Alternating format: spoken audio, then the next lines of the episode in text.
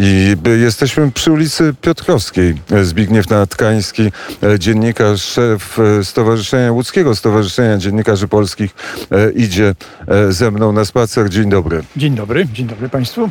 Ale może zacznijmy od paru słów na temat Jerzego Targalskiego. Pewno miał Pan okazję i spotkać Pana doktora i z nim rozmawiać. Jerzego Targalskiego poznałem w latach 80., kiedy był wydawcą i współautorem takiego nielegalnego mm, czasopisma Obóz, który poświęcony był życiu politycznemu krajów y, y, jęczących pod sowieckim, no, sowieckim zaborem, czyli do, dotyczyło to życia na Ukrainie, w Rosji Sowieckiej, w Bułgarii, Jugosławii, na Węgrzech i, i Jerzy Targalski był tym, tym, tym, tą osobą, tym naukowcem, który potrafił o tym ciekawie pisać.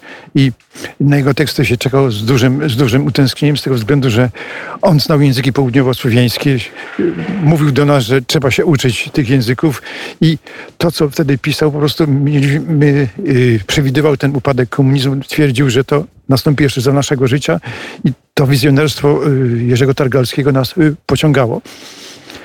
Potem go widziałem już w latach 90. po, po, po, po zwycięstwie nad, nad komunizmem i Jerzy Targalski nie mógł sobie znaleźć swojego miejsca. To, co pisał, co, to, to, co mówił, to wszyscy pukali się w czoło, mówiąc, że jest oderwany od rzeczywistości, a jednak, jednak nie. Te, te zmiany, które nastąpiły w Europie Środkowo-Wschodniej, to on to przewidywał, te, te procesy znacznie wcześniej niż, niż inni ta jego ostatnia praca poświęcona geopolityce i różnym uwarunkowaniom politycznym w Europie Środkowo-Wschodniej jest, jest bardzo odkrywcza i nic nie straciła na aktualności. A jednocześnie e, Jerzy Targalski oczywiście ścigał i opisywał e, służby specjalne nie tylko w Polsce, ale i e, w rosyjskie służby specjalne i sposób ich działania był wybitnym specjalistą. Zresztą on twierdził, że te, te zmiany, które nastąpiły po 1989 roku w Europie, w Europie Środkowo-Wschodniej, były przy, przygotowane przez służby specjalne państw komunistycznych. I ta jego analiza życia politycznego w Bułgarii, byłej Jugosławii, na Węgrzech czy w Rumunii świadczy o tym, że on te procesy potrafił śledzić, potrafił wyłuskać bohaterów, którzy, znaczy głównych bohaterów sceny politycznej w tych krajach, które, którzy odgrywają wciąż y, no, pierwszorzędną rolę w życiu politycznym takiej Bułgarii czy, czy Rumunii.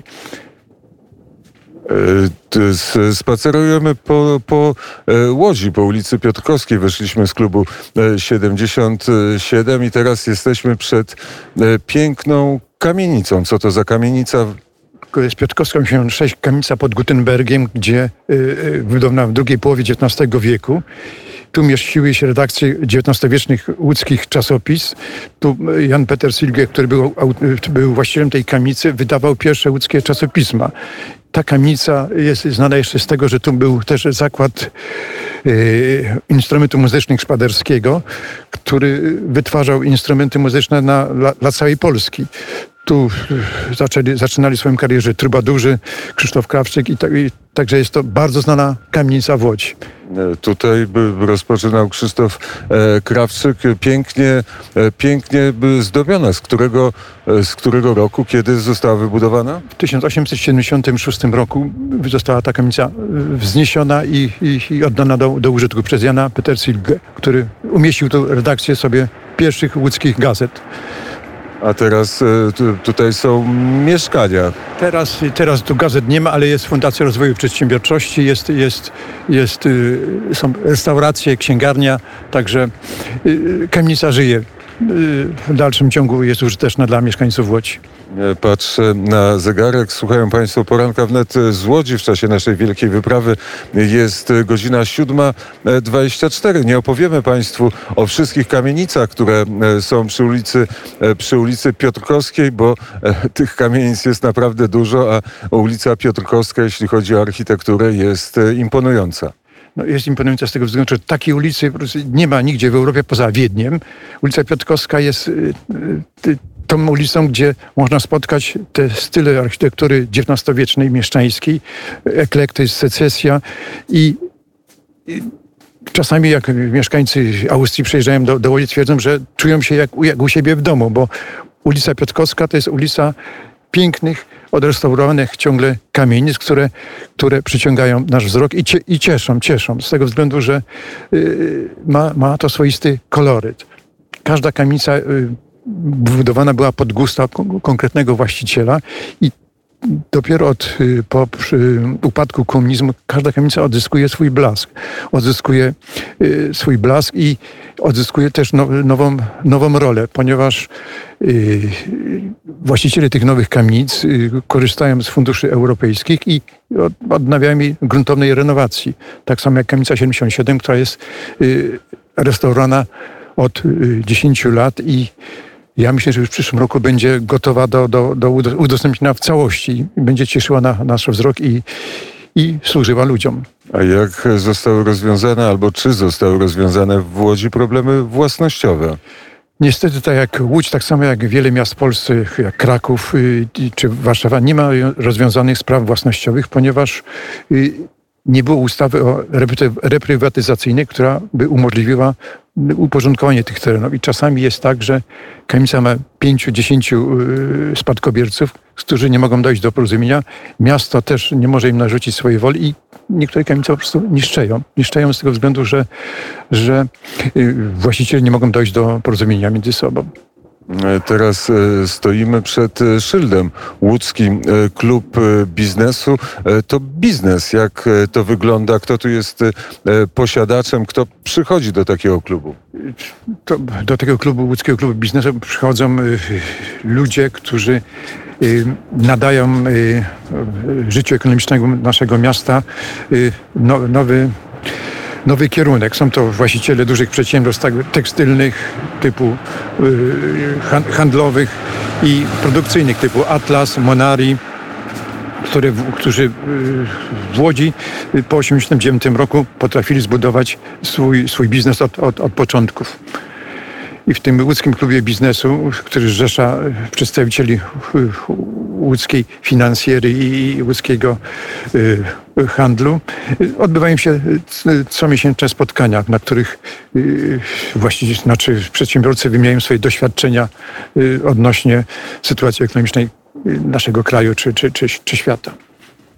Ładnie to e, zabrzmiało, to ten e, opis łódzka finansjera, ale oczywiście ta łódzka e, finansjera nijak się ma do tej finansjery, która była tutaj przed pierwszą i przed drugą wojną światową.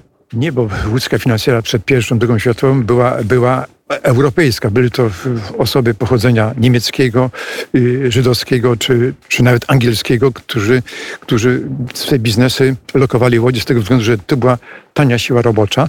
Tu były, były, była y, podstawa też, y, były rynki zbytu i tutaj ten biznes, po, zwłaszcza po I wojnie światowej, był, był trudny do, do, do, do zrobienia z tego względu, że utracono rynki wschodnie, czy utracono, były, były, było imperium carskie i, i Azję. Stąd y, łódzki biznes związany z przemysłem włókienniczym próbował odbyć się od dna i sprzedawał swoje wyroby do krajów takich jak Egipt, jak Turcja, jak y, Ameryka Łacińska i to w pewien sposób im się pod, w latach 30. udało. Ten przemysł włókienniczy zaczął podnosić się, y, podnosić się z upadku. Niestety wybuch II wojny światowej spowodował, że, że znowu znowu ten przemysł e, był, znaczy nie mógł się rozwinąć. E, I potem był czas komunizmu, potem był już rok 90. Łódź była miastem upadłym, tak na dobrą sprawę. Teraz wygląda na to, że trochę z tego upadku się dźwiga. Tak, ale to zawdzięcza głównie pracy swoich mieszkańców, tych drobnych przedsiębiorców, którzy nie korzystali, że jaką jest pomocy, z pomocy państwa, tylko wykorzystywali pracę swoich rąk, y, y, wykorzystywali pieniądze zgromadzone y, z prowadzenia takiego małego biznesu i od takiego małego biznesu niektórzy przeszli do, do, do dużego, z tego względu, że udało im się w oparciu o ciężką pracę zbudować podstawy swojego małego czy dużego imperium.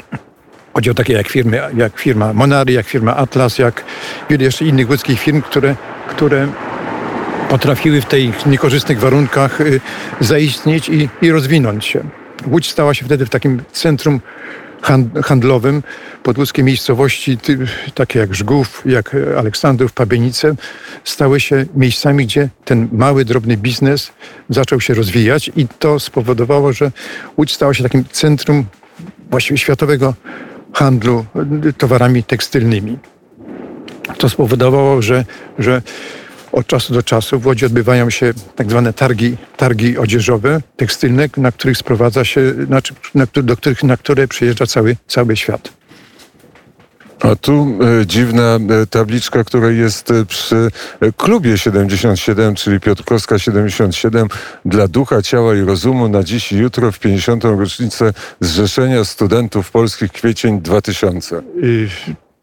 Kamienica 77 była to siedziba y, y, Zrzeszenia Studentów Polskich, które, y, które miało duże zasługi w tym, żeby kultura, kultura studencka się rozwijała. I tu przez całe lata 60., 70. były teatry studenckie, odbywały się imprezy młodzieżowe i tu było najważniejsze serce kulturalne miasta, kultury młodzieżowej. I to było do końca komunizmu. Tutaj był najsłynniejszy klub jazzowy, tutaj był y, klub fotograficzny, tutaj y, no, mieściło się życie student, y, akademickiej Łodzi.